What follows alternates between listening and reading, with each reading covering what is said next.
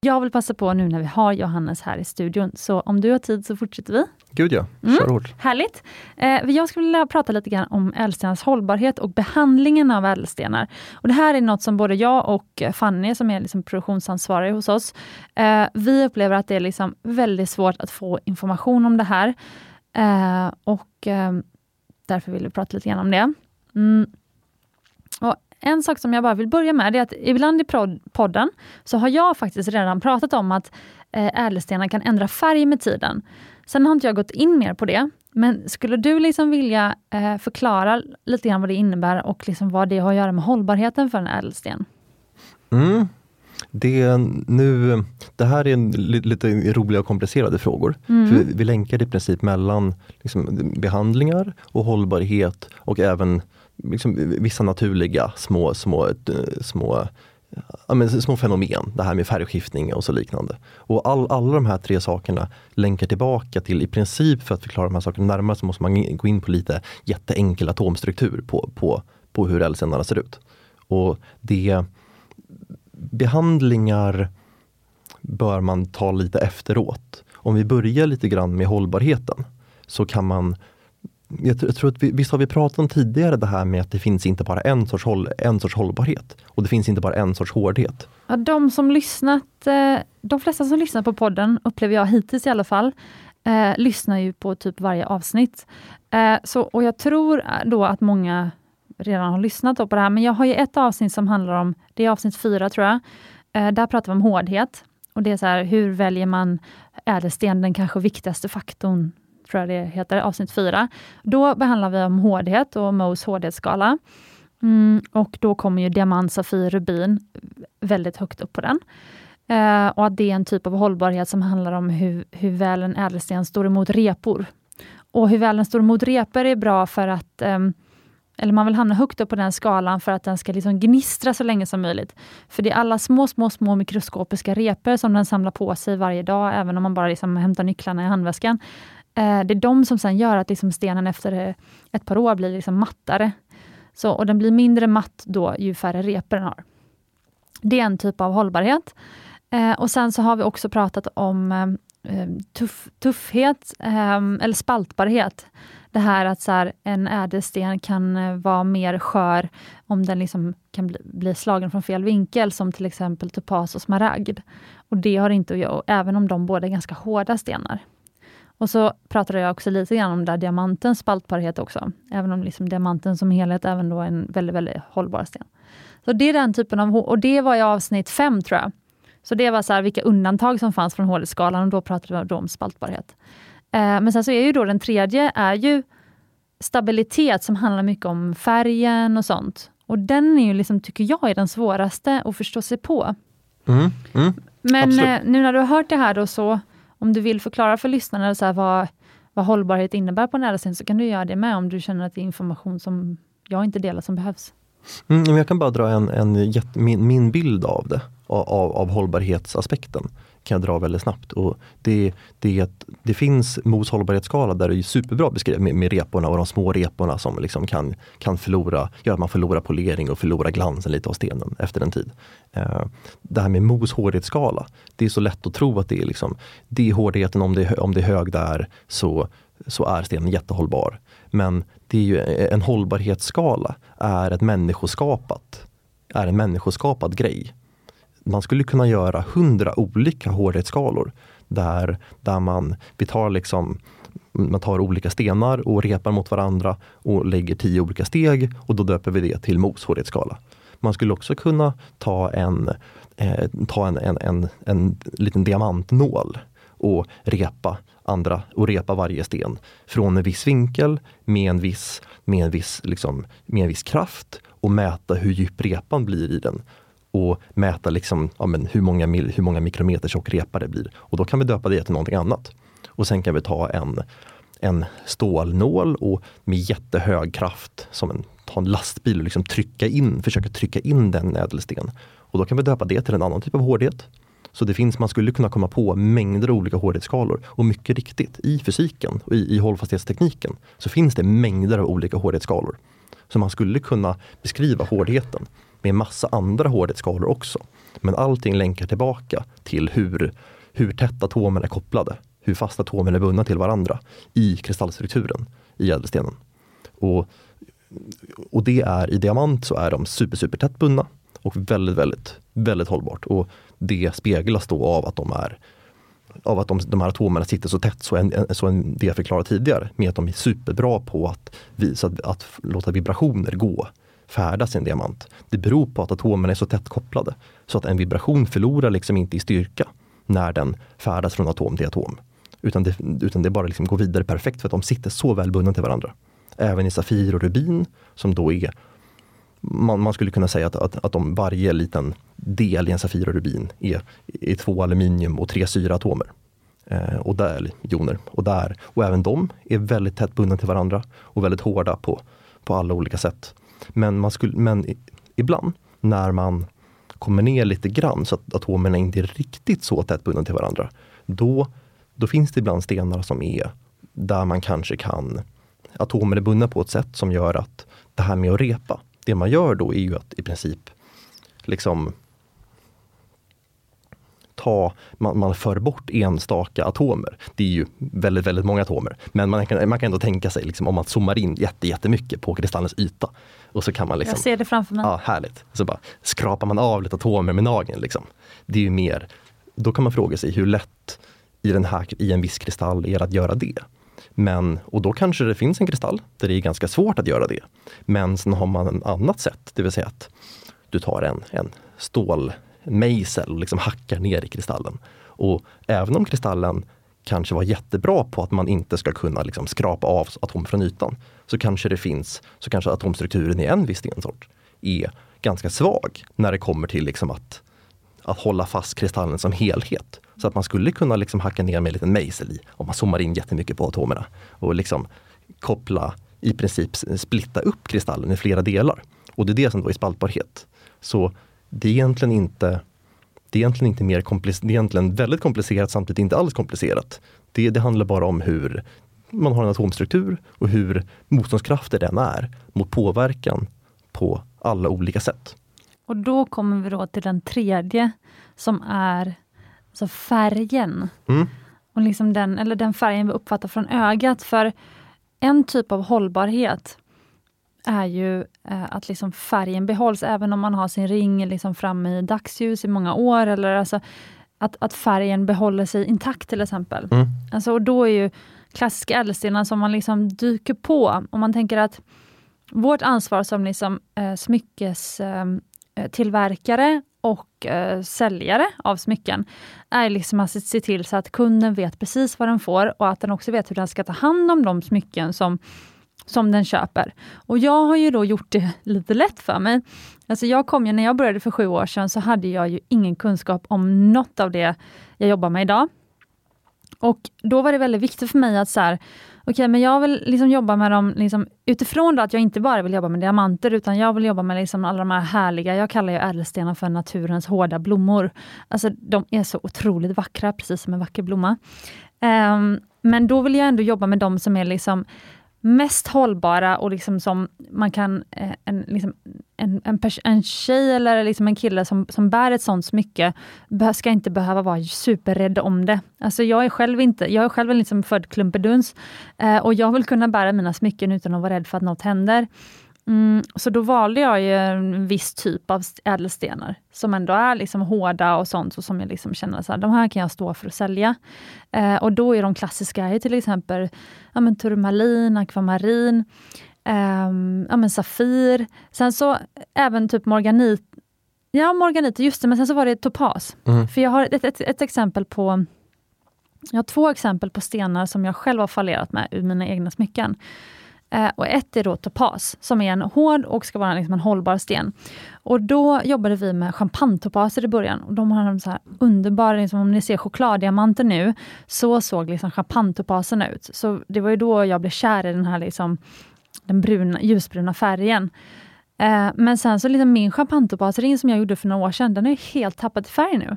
Och det var liksom en, en chock för mig. Jag undrade så här, vad hände liksom? Mm. Eh, och den andra var för det ska ändå vara en hård och hållbar sten om man Mm. säger.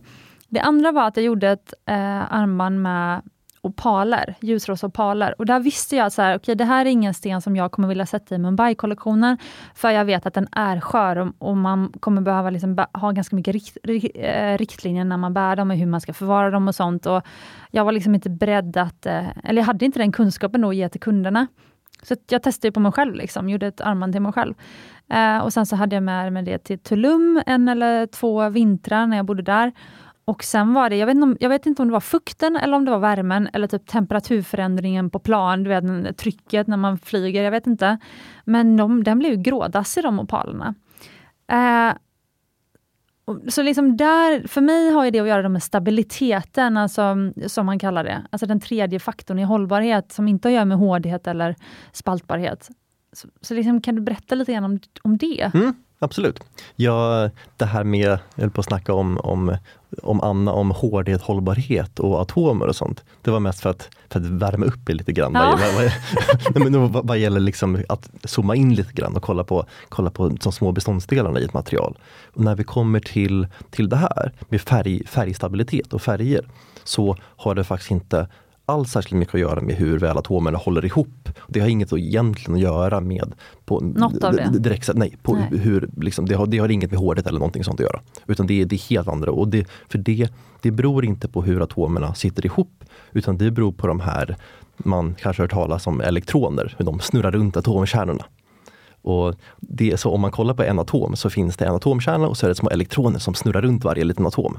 Och det är hur, de här, hur mycket energi de här elektronerna som snurrar in. Ja, man, någon, någon fysiknörd som lyssnar på det här kommer säga att atomer snurrar, elektronerna snurrar inte utan det, det är fält av sannolikhet att atomer, elektronerna kanske finns någonstans.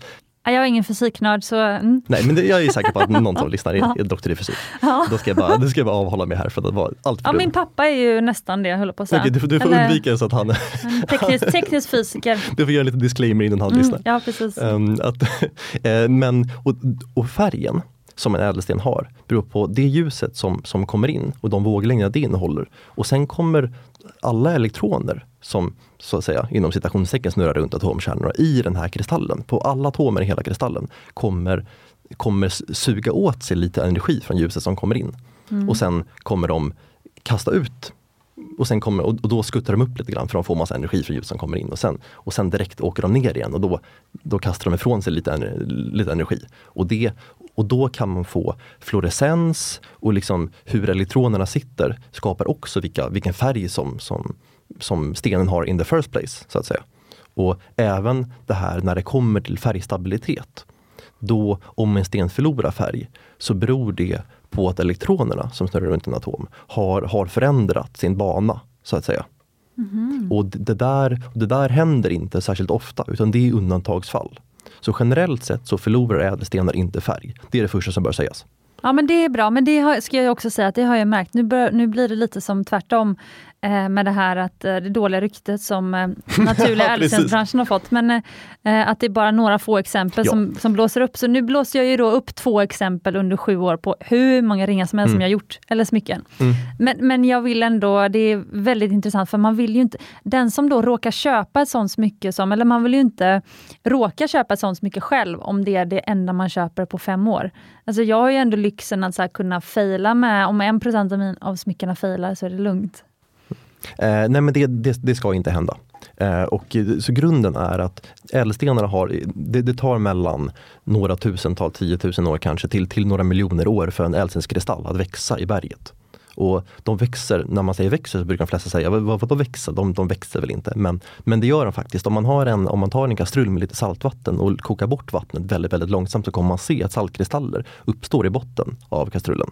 Och det tar några minuter. Men samma sak med att de här atomerna som är utspridda i saltvattnet av, då, av, av saltet liksom eh, åker ihop och tack vare att, de, att atomerna tycker om att fästa sig på olika sätt i en regelbunden kristall så kommer de att, att hamna, liksom kommer de att växa. En atom sätts på en annan, sätts på en annan, kommer att växa till en liten kristall och det går rätt snabbt i saltvattnet. I berget så händer i princip samma sak. Det finns lösningar och de här olika atomerna som, som gärna vill sitta ihop i en kristall finns, finns där. Och, men det tar om några tusentals till några miljoner år för dem att sättas ihop på samma sätt som en saltkristall gör i en kastrull.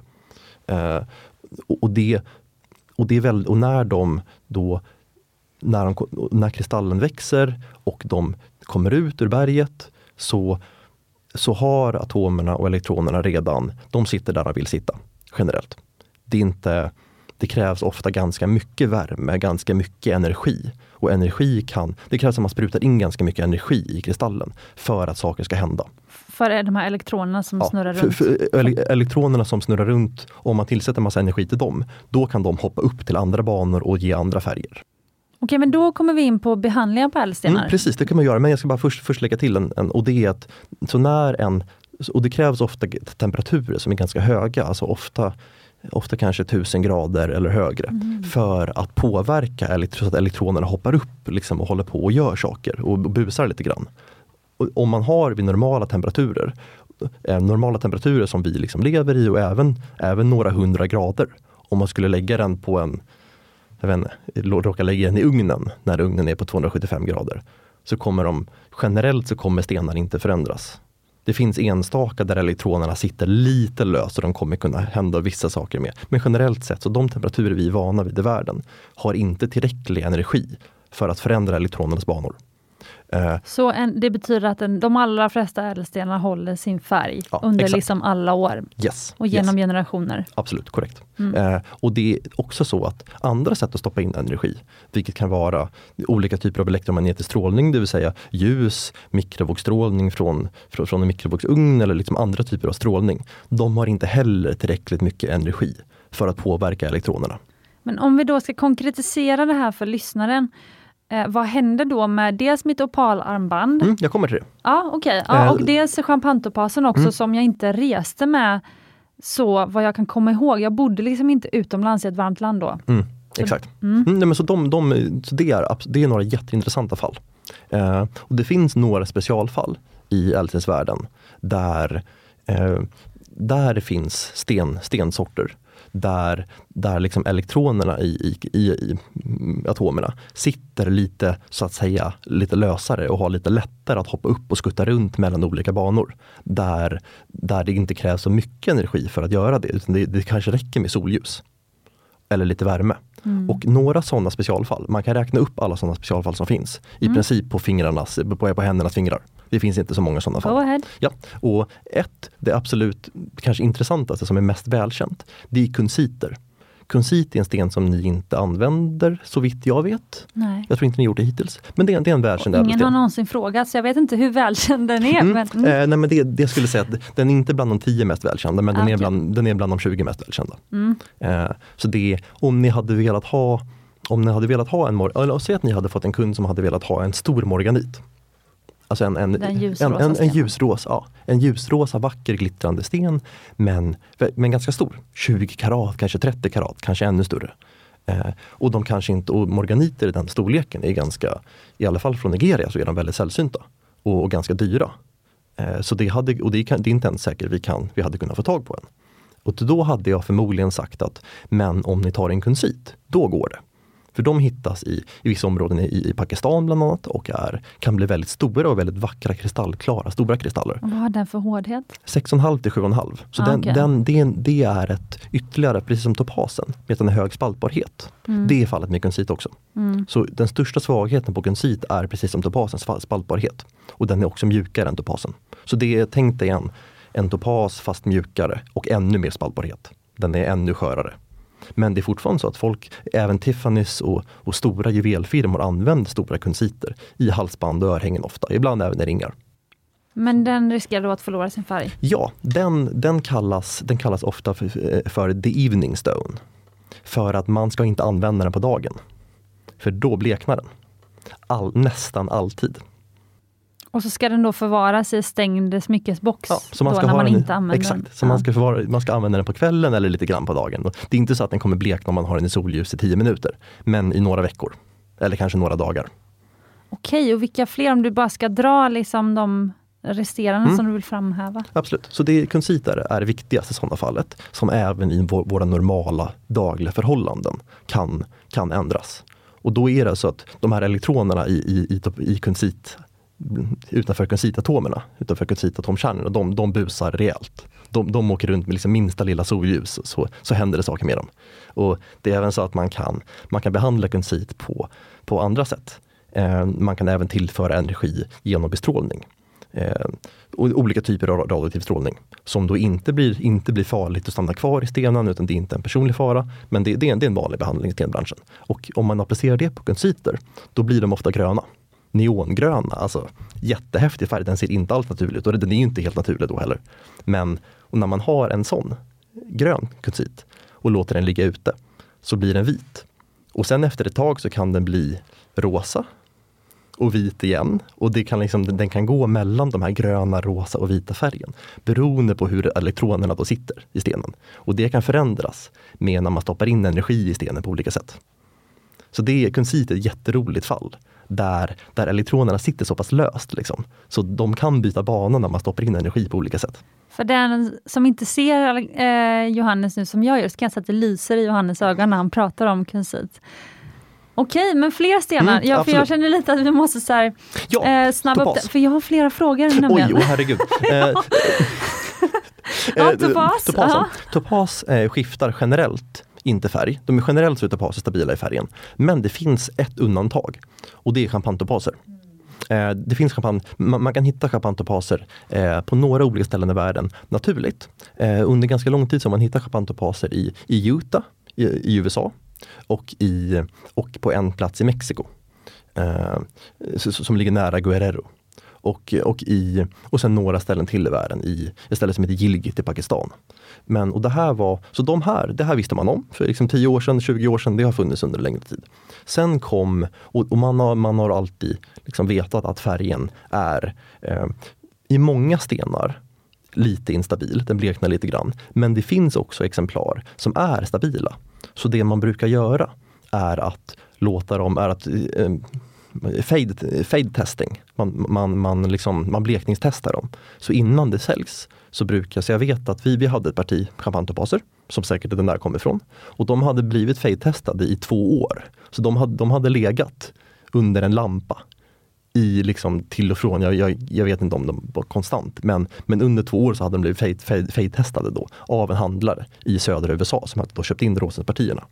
Så, så där, och då valde han ut råstenar. Han hade ju då gamblat då, som vi pratade om i början ex, Exakt, så han hade gamblat och köpt in rosenparti från Guerrero mm. i Mexiko och hoppades att vissa stenarna skulle behålla färgen. Och sen det han hade kvar då, efter de här två åren av att ha haft stenarna, var då som han trodde var stabila. De flesta var ju det ska jag säga. Mm.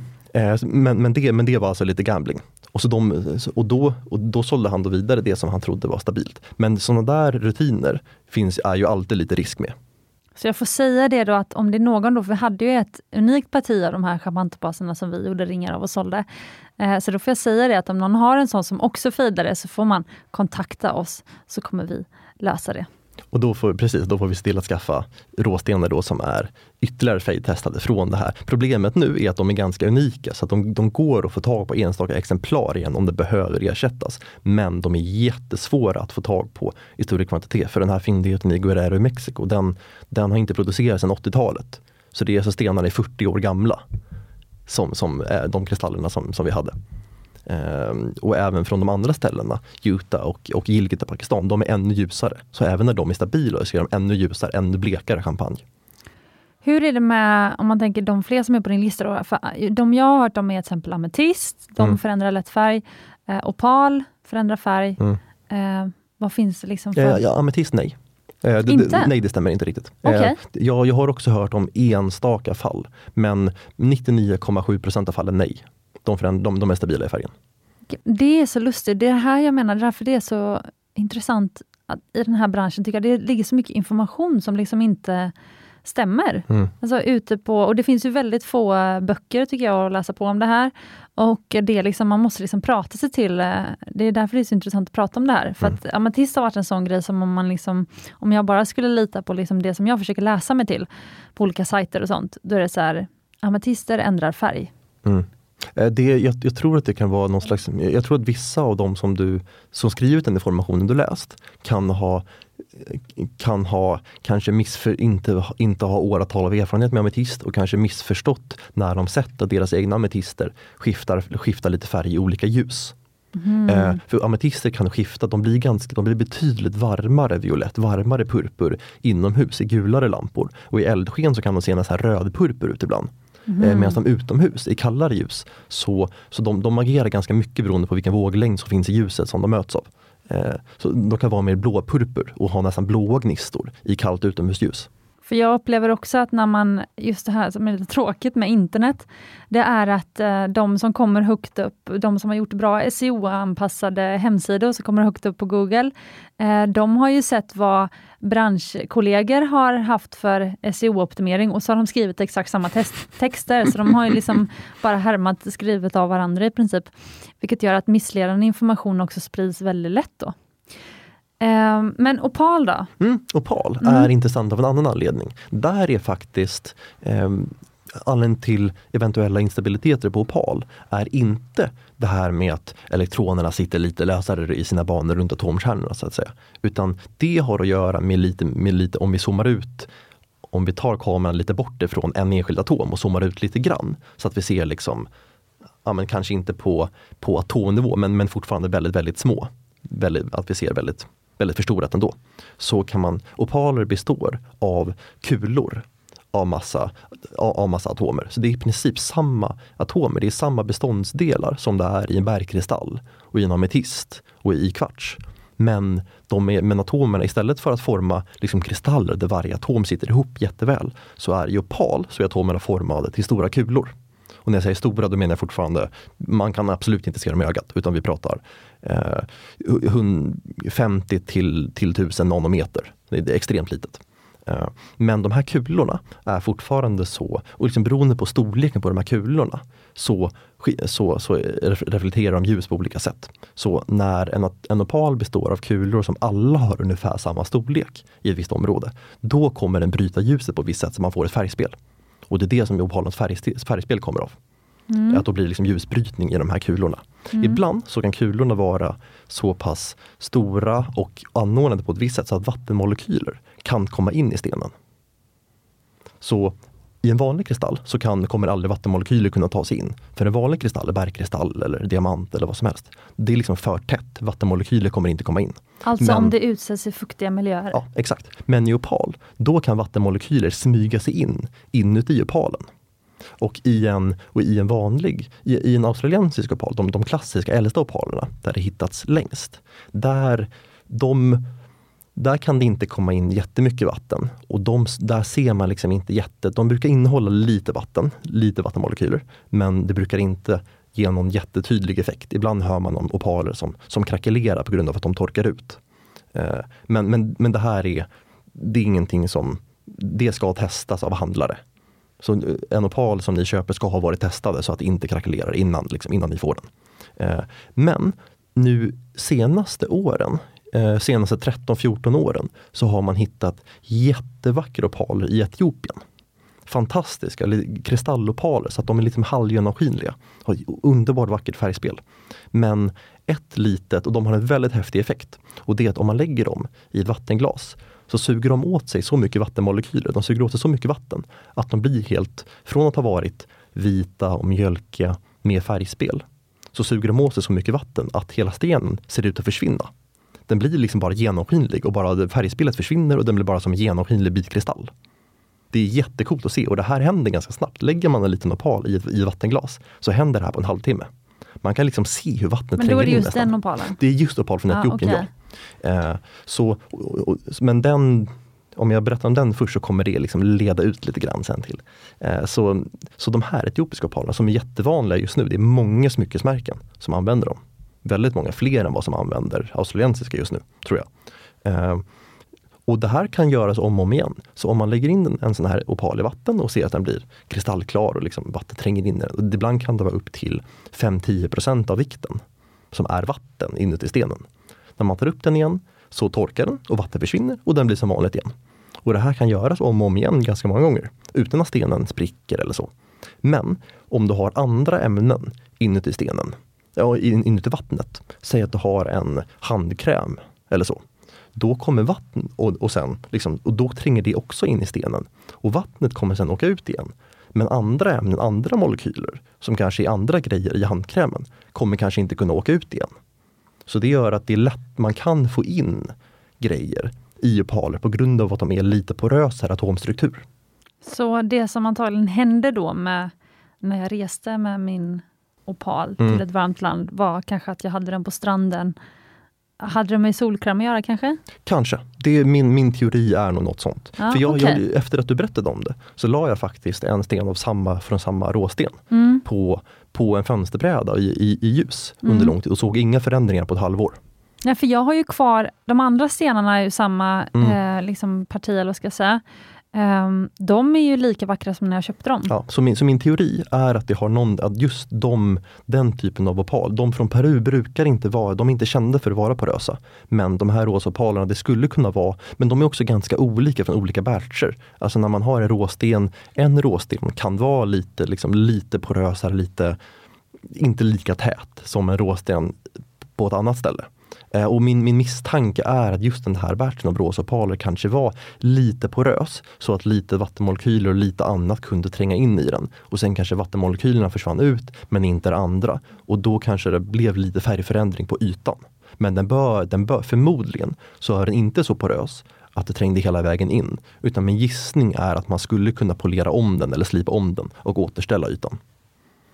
Finns det några andra ädelstenar som du vill liksom nämna här och som kan vara bra och som kanske är undantag från hårdhetsskalan? De kanske är hårda men de är ändå liksom instabila eller riskerar att ändra färg.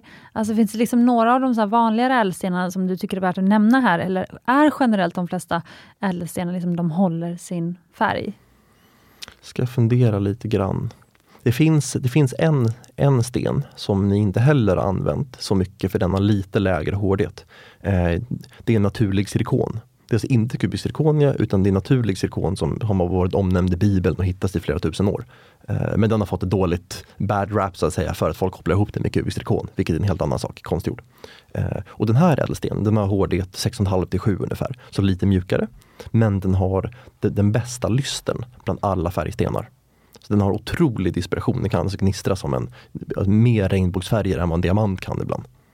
Eh, och, och, den har en tendens att, eh, där sitter också elektronerna så att säga så pass löst att den kan påverkas i färgen av rätt låga temperaturer. Inte av solljus, inte så låga energier, men när man tillför ungefär 200-300 grader, så om man lägger den i en ugn så kan det börja hända saker med färgen. Så och grundfärgen är vit? Eh, den färgen kommer ofta av att man värmebehandlar. Grundfärgen är ofta brunaktig, olika kryddiga nyanser av liksom, eh, olika gul, brun, röda, orangea. Lite så här, om du tänker ett kryddstånd i Indien, liksom, de, den färgskalan. Härligt! Och den, om, Murrigt. Precis, om man lägger den i ugnen då kan en, en väldigt mörkt brunröd zirkon kan bli ljusare rödrosa och jättevacker bara av att ligga i ugnen.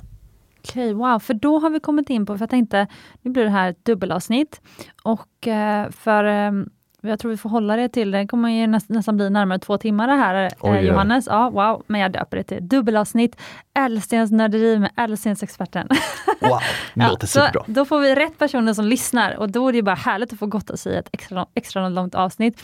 Men jag vill verkligen, för att jag och Fanny, ett av våra stora mål var att så här, vi vill prata med Johannes om de olika behandlingarna av ädelstenar som mm. finns. Så jag tänker vi avslutar med det nu då. Eh, och Det jag skulle vilja är liksom, eh, om du kan berätta eh, lite kort om de olika behandlingarna av ädelstenar som finns. Och sen så liksom hur de påverkar då en ädelstens utseende. För trots allt så är det ju så att en ädelsten inte liksom eh, hittas i gruvan, slipas och sen hamnar i din ring, utan den går, går faktiskt igenom behandlingar emellan. För... Mm, absolut.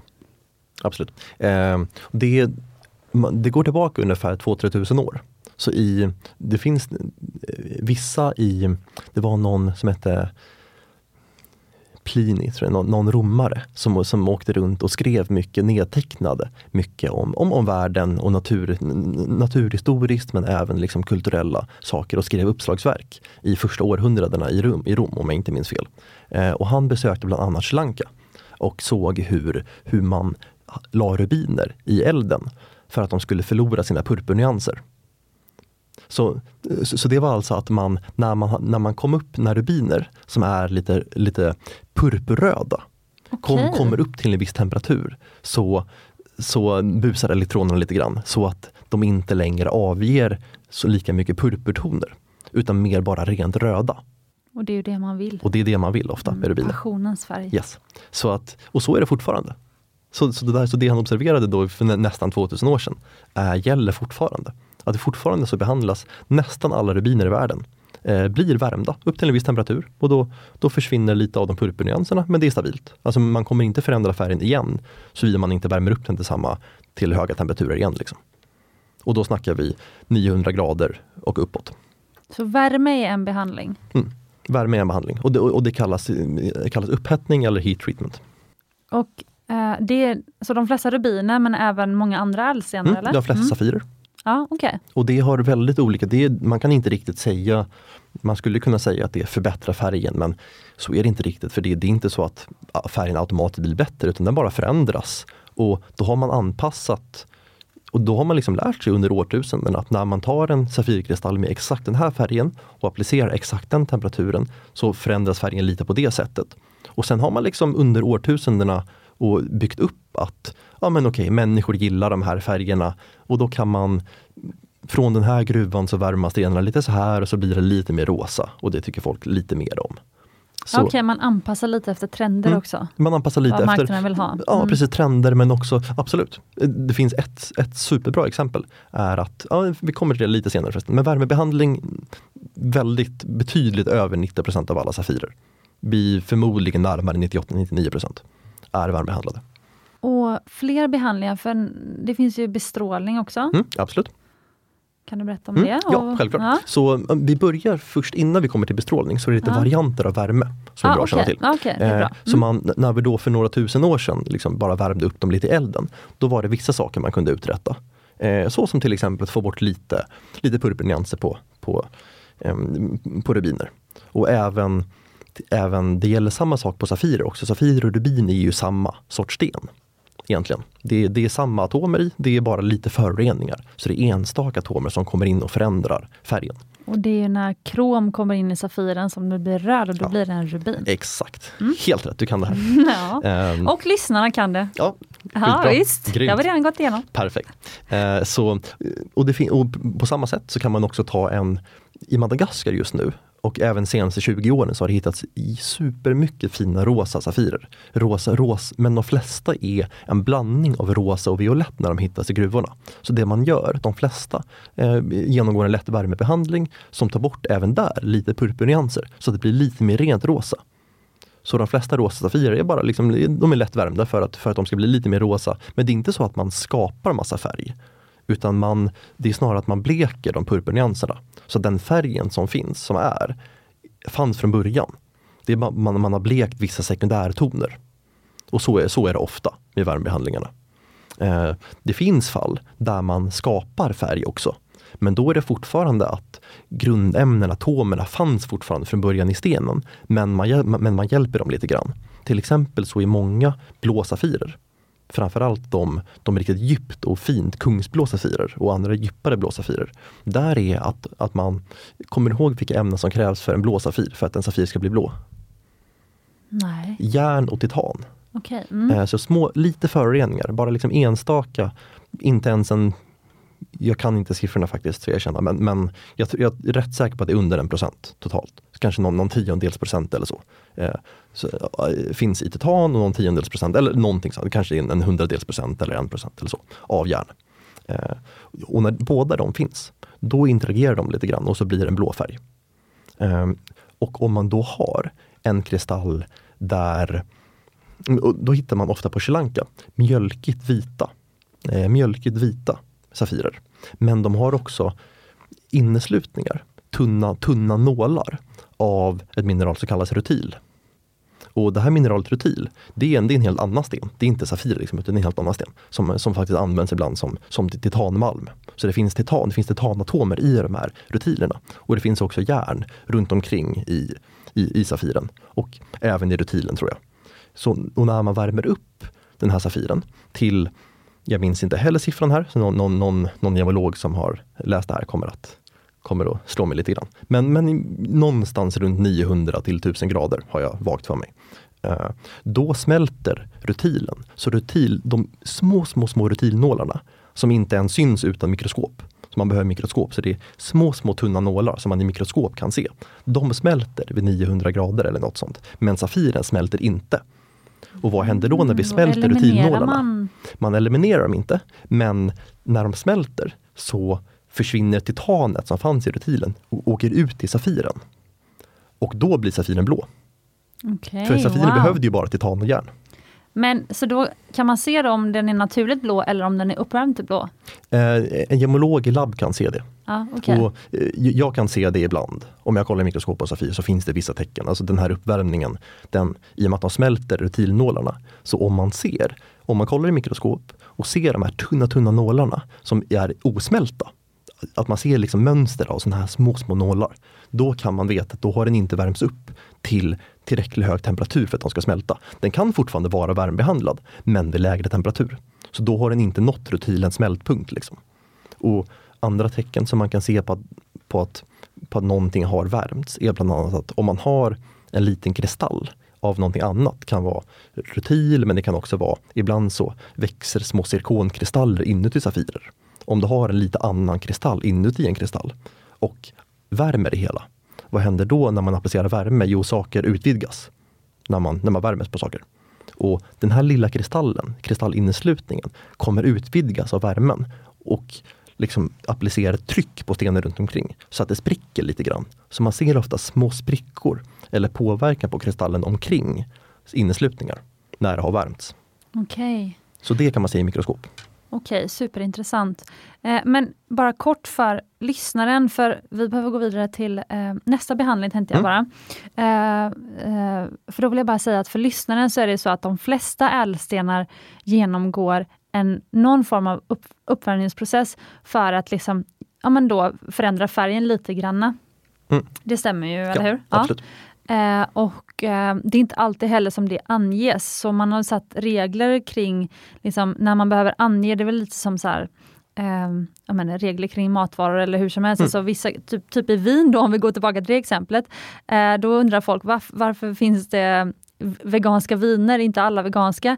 Men då är det så att äggvita är ett ämne som finns i väldigt många viner och det är ingenting som vin än så länge behöver, Mm. alltså vin, vad heter det, producenterna behöver skriva ut. Gud vad spännande. Ja, det är helt otroligt. Eh, liksom fuskigt, eh, höll på att säga, men eh, mm, jättespeciellt. Eh, men på samma sätt faktiskt är det ändå i ädelstensbranschen också att eh, man behöver inte alltid skriva ut exakt vilken värmebehandling det har gått igenom. Nej, precis. Så det är ändå lite sådär att man än så länge faktiskt, det finns inte riktigt kartläggning på det.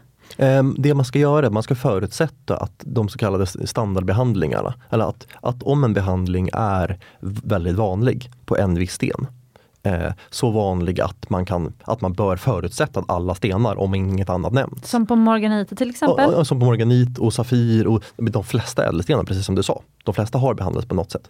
Eh, då, då gäller det att förutsätta att de har behandlats på det sättet de brukar behandlas på. Mm. Eh, och det är riktlinjer för när man som när man ute i konsument behöver specifikt ange en behandling. Det är att om det är en behandling eh, som, som förändrar värdet på ett på ett distinkt och tydligt sätt. Eller om det påverkar skötsel, alltså hur till exempel blek, att saker bleks eller att man, de behöver annan typ av specialskötsel.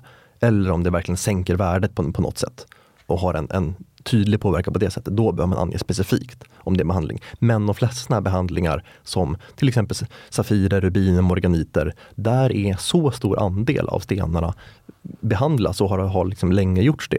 Så där, så så där, är bara, där är det standard. Och därför har värdet satts ut efter det. Så att en Safir på 5 mm rund Safir, vanlig som används i smycken, där är det ingen skillnad. Alltså obehandlade stenar blandas in med behandlade stenar. Och det görs ingen skillnad på värdet och därför, därför behöver man heller inte ange det. Nej, för att det jag skulle vilja och det som också Fanny, vi hade liksom samma, samma liksom lite fråga här till dig. Eh, det var eh, dels om du vill liksom kanske framhäva två till eh, vanliga eh, efterbehandlingar som Mm. är vanliga.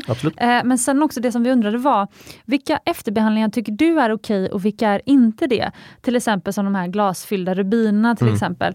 Alltså för att eh, det jag vill, om man tänker att vi eh, liksom vill, vill ge någon, någon råd eller lämna lyssnarna med några tankar efter det här, då känner jag att jag vill att de ska lärt sig lite grann så att när de själva liksom tittar på ädelstenar online eller ser jättevackra färger eller någon sten som verkar liksom för bra för att vara sann, den är jättebillig mm. och jättestor och vacker eller något sånt där.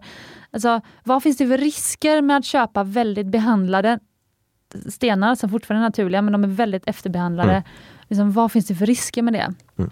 Så Um, ja, det var ju typ tre frågor igen här. det ska vi nu kunna ordna. Ja. Eh, det, så det finns alltså vissa standardbehandlingar och för att gå vidare utöver den vanliga värmebehandlingen ja. så, så är det, det finns en variant på värmebehandlingen som, som kräver specialomnämnande. Och det är att man inte bara värmer, inte bara temperatur, utan man tillsätter kemikalier också mm. när man värmer. Och då kallas det inte värme, då kallas det inte heat treatment längre, utan då kallas det diffusion. Okay. Eh, och diffusion betyder att, att, liksom vandra, eh, att vandra in, så det, då tillsätter man kemikalier som liksom vandrar in i stenen och ändrar stenens kemiska sammansättning. Eh, som min solkräm i opalen. Borde införa det. Mejla liksom Sveriges Gemologiska riksförening. Så du, vi har en till behandling här. Så gör ni en fin ljusrosa opal, grådassig. Exakt, om vi ska liksom förekomsten på det där. Är den, den behandlingen sällsynt eller vanligt förekommande? Är väldigt vanligt förekommande på stränder i Mexiko. Sant, mm. mycket bra. Jag, jag mejlar in det. Där. Ja. Eh, nej men, och det, det här görs, den behandlingen, diffusion, att man tillsätter i, i det här fallet atomer av beryllium, ett, ett grundämne. Eh, så att Safirer blir gula eller orangea. Det är faktiskt standard just nu på okay. gula och orange safirer. Det är så standard så att så, alla gula och orangea safirer. Som, som vi som, säljer på auktion till exempel? Som nu, eh, jag tror att vissa, ja man ska, man, man ska förutsätta det. Mm, okay. eh, mm. så, så, man ska förutsätta att alla orangea gula safirer är, är, är diffusionsvärmda med tillsats av beryllium. Och det, det man gör, det som händer då är att safirer som från början var eh, olika toner av, ofta så har det varit blå, grönt, grått, brunt, färger som är jättevackra men som inte varit lika populära på marknaden. De behandlas då och så blir de gula. Och det är inte så att, och då har man tillsatt lite beryllium men det är inte, onatur, det är inte en onaturlig safir, så det är en, från början en naturlig safir med lite annan färg. Eh, så det har gjort, så innan det här, för 20-30 år sedan, eh, då var inte gula och orange safirer alls lika vanliga. De är vanliga och, och de är lite vanligare idag tack vare den här behandlingen. Eh, så det, det är standard för gula och orangea. Men med det sagt så vet jag att en hel del av era är obehandlade. Eh, men, det där, men då bör man skriva ut det. Då bör man skriva ut specifikt att det här är en obehandlad gul Safir. Ja, vårt mål är ju liksom att, eller det har, det har vi eh, börjat med under förra året egentligen. Det har varit min och Fannys stora mission. Eh, att eh, liksom, verkligen eh, vad heter det, spåra så långt bak vi kan på de stenar vi köper in. Eh, och vi kan inte göra det på alla ännu, men så långt vi kan. Och sen också att skriva ut i produktbeskrivningen vilken typ av behandling som den, den har eh, gjorts ehm, eh, eller utsatts för. Eh, vilken, kanske till och med vilken gruva den är, men framförallt vilket land den kommer ifrån. Och sådana saker. Alltså det är vårt mål, att liksom kunna verkligen så härleda varenda sten. Mm. Det är superbra, jag, jag älskar ansträngningen. Det är precis sånt företag som jag skulle vilja, om jag skulle själv köpa in smycke, skulle jag vilja köpa in från någon som anstränger sig för att liksom, ja, se, se till att allt, allt görs ordentligt. Precis, eh, det är det som är... Mm, och det är, för det, det kommer vi, när vi kommer in på de här lite mer skumma behandlingarna sen. Så då är det just det, som att köpa genom ett sånt företag som faktiskt anstränger sig och vill vara ärliga. Då är det exakt de här små gränsfall till lurendrejerifallet, det är det man undviker då. För att om man är lite mindre försiktig och inte skiter lite grann i behandlingarna, då, då är det lätt att komma in på lite andra stigar än vad är som är standard. Och erbjuda saker som i slutänden blir lite dåliga i slutändan. Vilket gör då att då stödjer ju vi eh, liksom försäljning av stenar som vi inte vill stå för. Mm, exakt, men så just som ni jobbar nu, eh, väldigt bra väg tycker jag.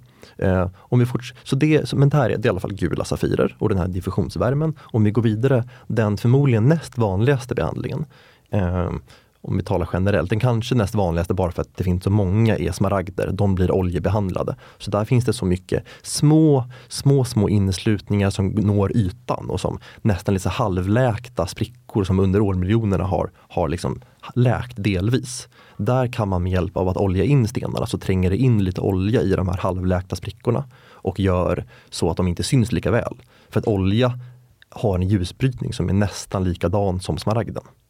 Medan luft inte har det. Så att när det är luft i, sprick i sprickorna, i de här halvläkta sprickorna, då syns de. Men när det är olja i dem, då är de nästan osynliga för att de ser ut som om de är smaragd. Liksom.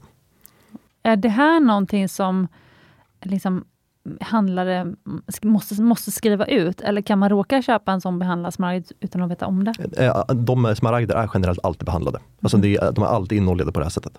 Så frågan med smaragd, det som labben kollar, det är om man skickar in en smaragd till ett labb, det kommer, då är det, man bör alltid förutsätta att den är, att den är inoljad. Nej, alltså inte ens 99 procent, vi pratar 99,9. Uh, eh, så det är absolut nästan alltid. Uh, det som är grejen är att om man skickar in till labb så kan man också få reda på om den är uh, kraftigt in, alltså hur mycket, hur mycket olja eller andra substanser det finns i smaragden. Och man brukar skilja på insignificant, minor, moderate eller significant. Så om det är significant, då vet man att då är det ganska mycket fyllnadsmaterial, olja eller annat material. Då, då är det för att stenen hade ganska mycket ytgående sprickor eller halvläkta sprickor från början. Och då vet man att den såg ganska annorlunda ut från början. Så att utseendet har förbättrats ganska signifikant. Medan är det minor, då är det kanske bara någon liten halvläkt spricka så att man ser nästan ingen skillnad på om den hade varit inte oljad. Jag förstår. Så då är det liksom mer en, mer en skala. Och sen, så den är också, i och med att smaragder är så pass, det finns så pass många smaragder, så den kanske är den näst vanligaste behandlingen. Men sen finns det en annan väldigt vanlig behandling också som görs på olika typer av kvarts, eh, morganit, eh, en del topaser eh, och ska vi se vilka mer som bestrålas. Ja, nej, men det, det är nog blå, alla blåa topaser. Och kvarts ska jag bara säga, kvarts är då ametist, citrin, bergskristall och rosenkvarts. Mm. Så, så, och det är så jag skulle säga att alla, alla blå topaser som man ser i handeln, eh, alla, de flest, många rödkvartser, eh, lemon quartz, det använder inte ni, men, men citronkvarts, morganit och lite andra topaser är i princip alltid bestrålade och värmda. Och det, det är inte så illa som det låter, eh, utan det man, man bestrålar även livsmedel ibland för att, det liksom gör, för att döda bakterier och liknande. Så, så det, här, det lät ju i och för sig illa men Ja, nej, men det, jag tror att faktiskt samma, eh, den, en anläggning som man brukar bestråla blåtopaser och morganiter på i Tyskland, de, de, de gör även livsmedelsprocesser. Eh, men det är alltså, men, Processad mat? Ja, precis. Eh, och, men de, det, är, det är Tyskland och det finns väldigt strikta riktlinjer på att det inte ska finnas någon farlig strålning kvar alls när det kommer ut från anläggningen. Ja, det känns betryggande. Mm. Så det, och det har, det är många som, det, det, det är de extremt strikta på i alla fall. Eh, och, det, och, och det gör att på morganiter så har det ingen större effekt utan de blir lite mer, man får en lite mer robust rosa färg. Och de måste ha rosa färg från början för att ens förbättras. Så att det, på morganiter så har det ganska liten skillnad. Eh, om du har en väldigt dålig morganit som, som bara är, som man nästan har ingen färg alls eller bara om, om, om du har en morganit som i princip inte har någon färg alls, då blir den inte ens rosa, då blir den gul. Och då blir det en dålig heliodor. Vid bestrålning? Ja, vid bestrålning. Ja. Så det är jätteintressant. Senaste, en stenörd grej, är att senaste ja, 10-15 åren, sedan 2006 ungefär, så har det plötsligt kommit massa heliodorer. Alltså intensivt gula beryller ut på marknaden. Man ser dem överallt i Thailand. Och de, de är naturliga, testar man dem, det är heliodor. Men det har tidigare varit en ganska sällsynt sten. Jag vet att ni har gjort några heliodorer. Ja, så, ja absolut. Så, men de, de har jag har en heliodor hemma. Mm, exakt, och, och, och, och, de är helt obehandlade. Mm. Men och de är ganska ljus, de är lite så citrongul, ja. lite citrusljusgula i tonen. Men Absolut. det finns också många som är superintensivt gula. Av någon anledning så är de här intensivt gula är alltid billigare än de här ljusgula. Vanligtvis så är det motsatta. I, i Safir så blir den dyrare ju starkare färgen är. Så då börjar man bli misstänksam. Vad är det här med de här starkt gula helidorerna? Varför finns det plötsligt så många? Och det är för att bestrålningen av morganit, har du, en riktigt, har du ett för dåligt råmaterial så blir det en heliodor istället. Så, så, så det, det, det är lösningen på den gåtan. Så då ska man köpa en Helidor som inte är bestrålad för annars har det varit en dålig morganit? Exakt. Och, och, det, och, och den viktiga skillnaden här som man kanske inte tänker på först, det är att för morganit så är det en standardbehandling som i princip alltid görs och, och som, man inte, som formellt sett inte förändrar värdet. Men på en Heliodor, där är det inte standard. Där är det inte uttalat standard. Och då, då finns plötsligt en, en effekt med att det försämrar värdet. Med behandlingen? Ja, med den här behandlingen. Okej, förstår. Så, jag, så, jag skulle, så jag skulle själv undvika bestrålade heliodorer för att det inte är internationellt erkänd behandling för heliodor. Men på morganit så är jag helt bekväm med en bestrålningsbehandling för att det är en internationellt erkänd standard. Och om du går in på, på, på Tiffany's hemsida och kollar på deras accepterade behandlingar-lista så är det liksom morganit, bestrålning och eller värme är accepterat. Okej, okay, men det är jättebra för det, då, det ger också en bättre insikt i vad man, om man då köper lite smycken och tänker på liksom, kanske andrahandsvärdet. Eh, då är det bra mm. att ha det i åtanke. Eh, men sista då bara, vilka behandlingar skulle du liksom ge rådet till mig och Fanny och lyssnarna att liksom akta oss för? Mm. Och om man tänker när Fanny liksom ger rekommendationer till kunder, Eh, liksom, vad skulle du, eh, eller leta stenar till kunder, ska jag mm. säga också. Alltså, vad skulle du ge för tips till henne att hon ska akta sig för, för typer av behandlingar, förutom då behandlade eh, Heliodorer? Mm. Eh, det, jag skulle vilja svara från andra vinkeln. Jag skulle snarare säga vilka är man bekväm med? Okay. Eh, mm. i, I förlängningen så skulle det vara en superbra idé, kanske att gör, göra precis som, som, som Tiffany har gjort, med att ha en egen liten lista över accepterade behandlingar. Och då ta in liksom, ja, med branschstandard och vad, vad Svenska Gemologiska Riksföreningen säger. Och så. Ja, man väger eh, båda de två ja, man, Precis, som man väger båda mm. de två. Eh, och har en liksom egen lista och allt annat och vara tydlig med den listan mot leverantörer. Och jag vet att ni är redan super... Ni, ni är Men redan, det var ett jättebra tips. Mm, och ni, ni, är redan superduktiga så det kommer inte göra någon skillnad i vad kunderna får. Men, men det kan vara bra kanske om, om, om ni i längden blir ett väldigt stort företag så, och liksom sourcar från massa olika håll och har flera personer anställda som sourcar så kan det vara bra att bara ha gemensamma riktlinjer för sitt eget företag. Att ha liksom lista över vad som är accepterat och det är då liksom är lika med branschstandard och det blir sin standard. Eh, och då kan man alltid göra om den standarden. Liksom. Men och undvika allt annat. Eh, I det här fallet, det finns några saker att tänka på specifikt och undvika extra noga. Och det, det är då glasfyllda rubiner. Mm. Eh, det är en, en sten som man knappt kan säga, det är gränslandet mellan naturlig och onaturlig ädelsten för att då, det, kallas kompositsten. Alltså vissa rubiner är så, de har haft så mycket sprickor. Ja, det är blandmaterial. Ja, precis, som man har proppat in så mycket glas i att ibland, det finns exempel där liksom 15% av rubinen är glas. Typ. Och ja. då, är, då är det inte längre rubin, då är det kompositsten. Så det är mittemellan naturlig och onaturlig. Liksom. Ja. Förstår. Eh, så det finns vissa sådana, men jag skulle säga att det bästa är snarare att ha en lista på vad man accepterar som ligger i linje med branschstandard och undvika allt annat. För det, för det finns så många andra.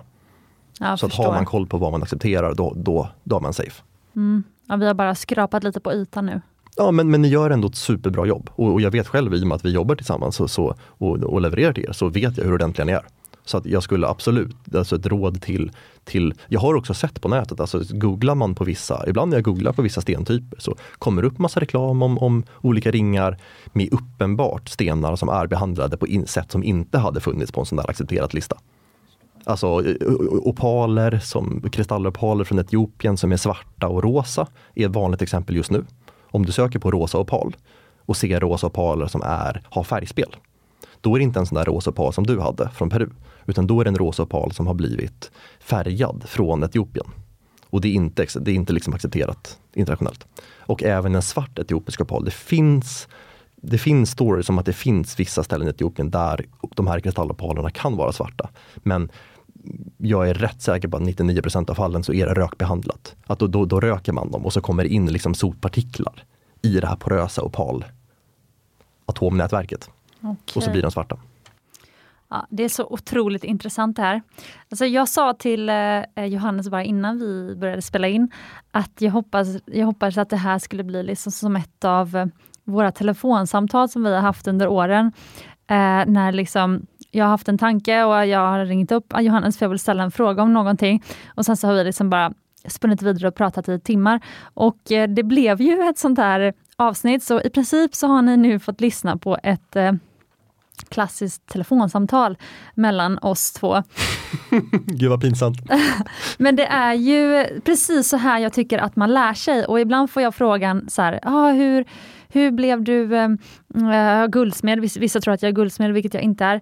Eller hur blev du smyckesdesigner? Eller hur gör man om man vill eh, starta ett företag eller ett smyckesföretag eller hur det är? Och då har ni en av äh, nycklarna här. Och det är att eh, hitta personer runt er som ni kan lära er massa, massa av. Och liksom fortsätt alltid lära er. Och det som är så otroligt roligt med den här podden är att nu, dels så alltså jag kan ju lyssna på som avsnitt 6 när du var med förra gången, alltså jag tror jag har lyssnat på det tre gånger själv. För att liksom jag hör liksom djup och så blir jag så här, åh jag skulle frågat det och liksom jag lär mig grejer. Och det här avsnittet kommer jag nog lyssna på flera gånger om för att jag har lärt mig så mycket på det här. Och jag kommer nog upptäcka saker som du har sagt i podden som jag kommer höra när jag själv hör podden. Eh, så det är som en så här Petson och Findus-teckning, man hittar alltid något nytt. Liksom. En ny liten filur i hörnet. Um, men Johannes, har du någonting du vill uh, liksom ge till lyssnarna nu som så sista liksom, uh, bonusinfo eller tips eller någonting sånt? Jag tror att de just nu skriker nej, ingen bonusinfo. jag, jag, tror att det här är mer än nog för en dag. ja, men stort tack Johannes, så roligt att du ville komma tillbaka. Tack så jättemycket för att jag fick komma. Och tack för en fantastisk konversation. Eh, och stort tack till dig som lyssnat för att du varit med oss genom det här avsnittet och jag hoppas att du delade upp det i två om du behövde. Det här kommer jag faktiskt publicera som ett dubbelavsnitt istället för att bryta upp det. Eh, så det blir liksom ett två timmar avsnitt helt enkelt. Eh, och stort lycka till med dina ädelstenar. Och om du har fått tankar och funderingar, frågor idag när du lyssnat, så skriv jättegärna DM eller skicka ett röstmemo till mig på Instagram, The Jewelry Designer, eller på Smyckespoddens Instagram, eh, där vi heter Smyckespodden.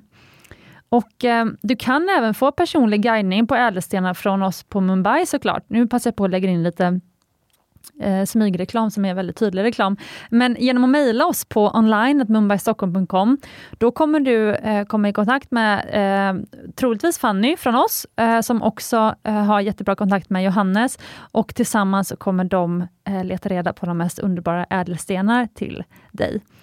Um, ha en fantastisk dag och kom ihåg att du är värd äkta smycken.